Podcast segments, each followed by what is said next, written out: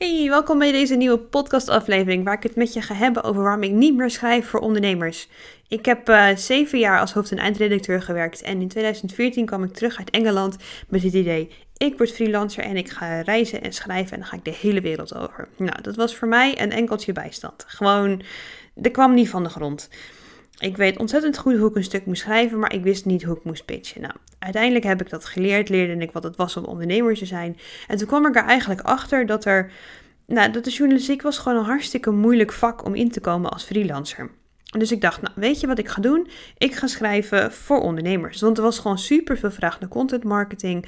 Bloggen was op dat moment echt gewoon in zijn piekjaren.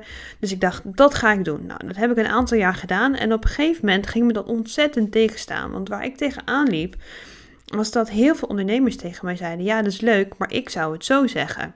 En toen dacht ik op een gegeven moment, ja, dat is ook zo. En jij bent hier de expert in je vak. Jij weet waar je het over hebt. Jij weet wat jouw klanten nodig hebben. Jij kent jouw klanten door en door. Dus jij bent ook degene die in de meest unieke positie is om dus dit verhaal te vertellen aan jouw klanten. Want ze willen van jou horen, het gaat om jouw voice en het gaat om dat jij een relatie opbouwt met jouw volgers. Als ik stukken voor ondernemers moest schrijven, moest ik daar of heel veel research voor doen, of ik moest ze interviewen. En dan was het toch niet helemaal hun eigen voice, waardoor dat echt dat stukje authenticiteit miste. Nou, waar, wat voor mij, waar ik achter kwam, was dat er veel meer baat is naar een goede redacteur.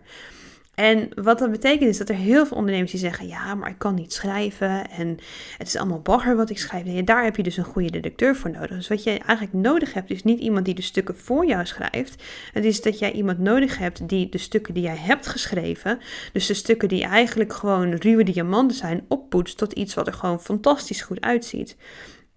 Dat is iets wat ik als hoofd- en eindredacteur natuurlijk super vaak heb gedaan. En ik ben in 2012 ben ik zelfs uh, heb ik gesolliciteerd bij Luiting Seidhof. En daar ben ik uh, voor de functie junior redacteur uh, als een van de laatste twee geëindigd. Toch net niet gekregen, omdat ik net niet genoeg ervaring had. Maar ik merkte wel dat dat, dat echt een baan was waarvan ik dacht: oh, dat, als ik één ding met mijn leven zou willen doen, dan is het dat. En uh, toen ik begon met e-mailmarketing, was er ook super veel vraag naar: kan jij dan ook mijn e-mail schrijven? En in het begin heb ik dat ook gedaan, omdat ik dacht: nou, daar is vraag naar, uh, dus dan gaan we dat wel doen. Maar ook daar merkte ik dus weer dat er eigenlijk geen behoefte aan was dat mensen dat de stukken geschreven werden. Ja, aan de ene kant wel, want dat nam heel veel tijd weg. Maar aan de andere kant kostte het ook heel veel tijd. Omdat ik dus de informatie van de verhalen van de ondernemers bij de ondernemers moest gaan halen. Het was niet alsof ik een podcast moest transcriberen of, of iets in die strekking. Nee, het was echt zo van, nou, ik, ik wil een stuk content schrijven over dit onderwerp.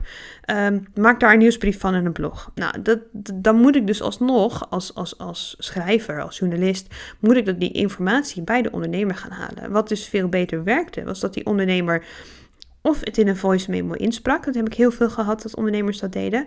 Of dat zij gewoon zelf de stukken schreven. Dat ik het daarna ging oppoetsen met feedback en zei: hier kan het scherper, daar kan het dieper.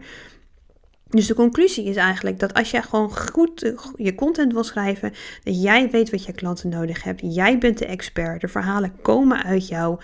Jij weet wat jouw klanten aan gaat zetten. Jij hebt die klanttaal gewoon super paraat, omdat je elke dag in de materie met die klanten zit. Plus, je wil dat de content natuurlijk klinkt als jou, zodat het super authentiek, authentiek leuk woord, authentiek is, zodat ook mensen echt aangaan op jouw voice.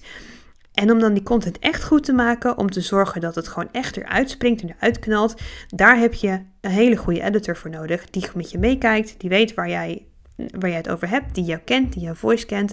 En die dan net eventjes gewoon die, die kick eraan kan geven waardoor je denkt, daar komt hij goed op binnen.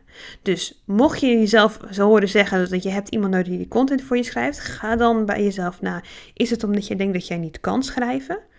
Is het omdat jij denkt dat je niet weet wat je moet schrijven? Of is het dat je simpelweg gewoon geen tijd hebt? En ga dan kijken naar een manier die bij jou past, waardoor nog steeds jouw voice er goed in uitkomt. En 9 van de 10 keer heb je helemaal geen schrijver nodig, maar heb je gewoon een supergoeie editor nodig die goed met jou meedenkt en die echt eventjes je content next level laat gaan. Dat was hem voor deze keer. Ik uh, spreek je snel